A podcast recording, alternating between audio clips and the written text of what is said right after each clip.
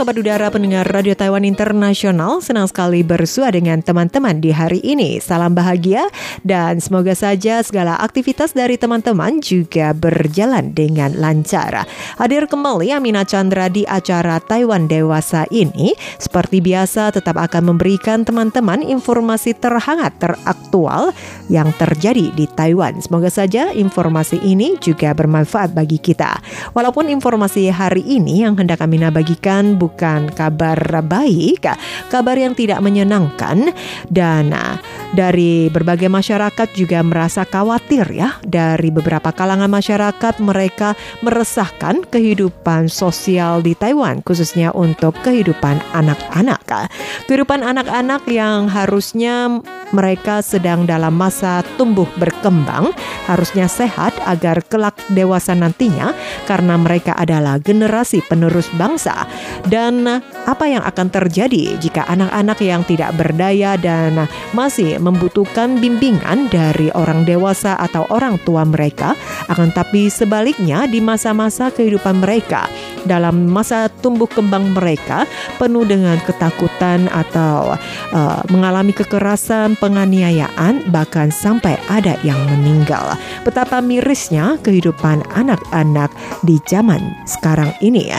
Termasuk juga di Taiwan. Di Taiwan belakangan ini beruntun terdengar kasus penyiksaan, penganiayaan terhadap balita dan juga anak-anak. Belakangan ini secara beruntun kita mendengar kasus penyiksaan atau kekerasan terhadap anak-anak. Salah satunya yang cukup dihebohkan adalah anak yang berusia 12 tahun dan setiap hari atau hampir setiap hari apabila melakukan kesalahan maka akan dibentak, dimarahi atau uh, orang tuanya yaitu ayahnya akan main tangan. Nah, pada saat orang tua yang memintanya untuk membelikan makanan, kemudian sang anak karena lupa mengambil cabai atau bumbu, akhirnya dirotani atau dipukul oleh ayahnya.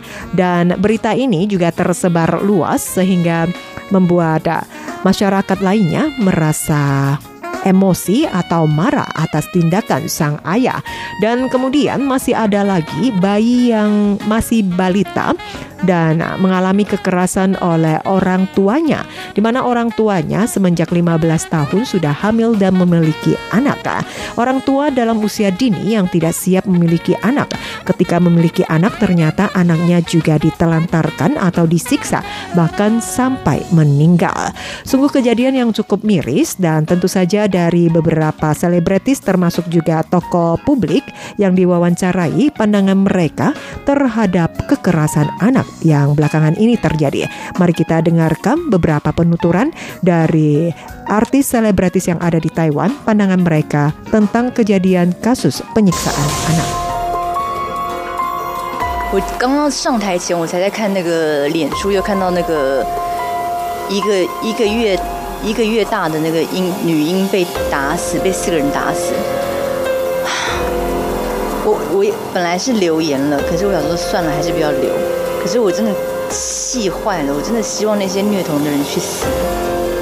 Berikut tadi adalah penuturan dari seorang selebritis yang cukup ternama di Taiwan dan juga adalah presenter yang terkenal akrab dipanggil dengan nama Xiao S. Yang mengakui sungguh emosi bahkan juga hendak menuliskan komentarnya di FB-nya namun memikirkan karena dirinya berstatus sebagai tokoh publik tidak baik untuk mengharapkan para pelaku yang menyiksa bayi berumur satu bulan meninggal atau juga ikut mati ya. Namun pada saat diwawancarai ia tetap menuturkan bahwa dia tidak pernah bisa memaafkan para pelaku yang menyiksa bayi atau anak-anak. 无法无法原谅虐童的人，我无法原谅他们。就觉得其实家暴的事情频频传出，我觉得应该是政府机构要有更好更好的帮助这一些被家暴的人。 然后而不是说已经要动用到我们民众自己去做这些事情。Kejadian kekerasan terhadap seorang anak oleh ayahnya akibat ayahnya memintanya untuk membelikan makanan namun lupa mengambil cabai lalu mendapat kekerasan dari orang tuanya atau ayahnya. Hal tersebut juga sempat viral di Taiwan dan juga memicu emosi masyarakat. Masyarakat ingin ramai-ramai memasakin cabai dalam jumlah besar untuk ayah tersebut. Dan pendapat dari seorang selebritis terhadap kasus kejadian ini memang alangkah baiknya ada masyarakat yang tampil ke depan untuk membantu orang-orang yang memerlukan bantuan. Dan namun belakangan ini sering terdengar kasus-kasus kejadian atau kekerasan terhadap anak-anak yang sebenarnya mereka tidak berdaya. Untuk itu, dari artis ini juga menghimbau kepada pemerintah memiliki cara yang lebih tepat dan benar untuk melindungi para korban 但是其呼吁政府机构可以出来帮助这些被家暴的朋友们，让他们能够有更好的安居。Anak-anak adalah generasi penerus bangsa dan setiap orang tua berharap anak-anaknya bisa menjadi orang yang berguna. Jika dalam masa pertumbuhan mereka mendapat kekerasan, mendapatkan ancaman dalam kehidupan yang tidak nyaman dan tidak bahagia, bagaimana mereka bisa menjadi penerus bangsa yang baik? Tentu saja menjadi tugas orang tua, masyarakat maupun pemerintah untuk memberikan mereka lingkungan yang layak, lingkungan yang bahagia bagi anak anak-anak. Teman pendengar masih bersama dengan Taiwan Dewasa ini Amina akan terus berlanjut memberikan teman-teman informasi bagaimana dengan pemerintah menyikapi kasus permasalahan ini agar anak-anak ataupun juga korban KDRT bisa terlindungi. Dan sebelumnya kita dengarkan selingan lagu berikut ini.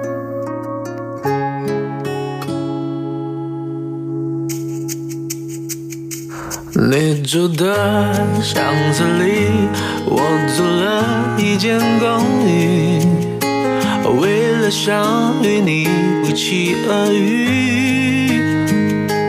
高中三年，我为什么为什么不好好读书？没考上跟你一样的大学，我找了份工作。离你宿舍很近。当我开始学会做蛋饼，才发现你不吃早餐。我，你又擦肩而过，你耳机听什么？能不能告诉我？躺在你学校的操场看。星空，教室里的灯还亮着，你没走。记得我写给你的情书，都什么年代了？到现在我还在写着。总有一天，总有一年会发现，有人默。在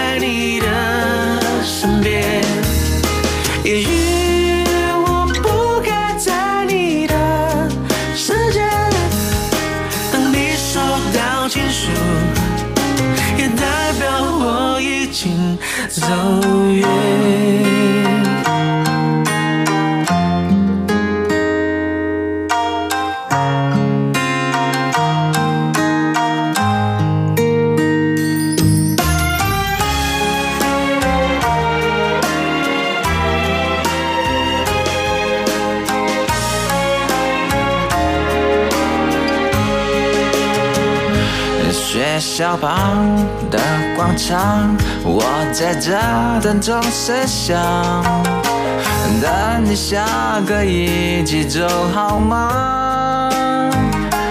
弹着琴，唱你爱的歌，暗恋一点都不痛苦，一点都不痛苦。痛苦的是你根本没看我，我唱这么走心。却走不进你心里，在人来人往找寻着你，守护着你，不求结局。我你又擦肩而过，我整个白气球，终于你回了头。躺在你学校的操场看，教室里的灯还亮着，你没走。记得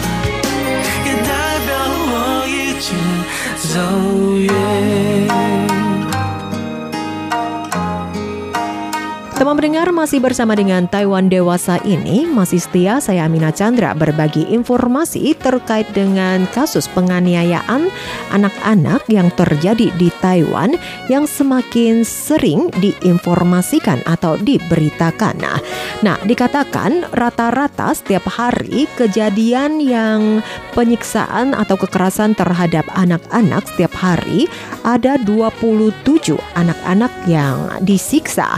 Berikut ini juga kami sampaikan pendataan dari Badan Anak-anak yang mendata kasus penganiayaan terhadap anak-anak.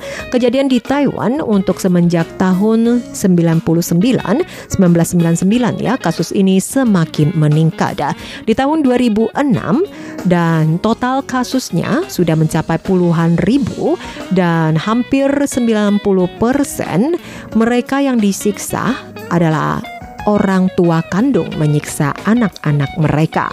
Hal demikian tentu saja sangat riskan dan terus berharap adanya saluran kekerasan rumah tangga 113 uh, yang dapat dimanfaatkan oleh para korban misalkan orang tua atau uh, tetangga yang mengetahui adanya kejadian kekerasan rumah tangga dapat segera menghubungi 113 yang ada di Taiwan.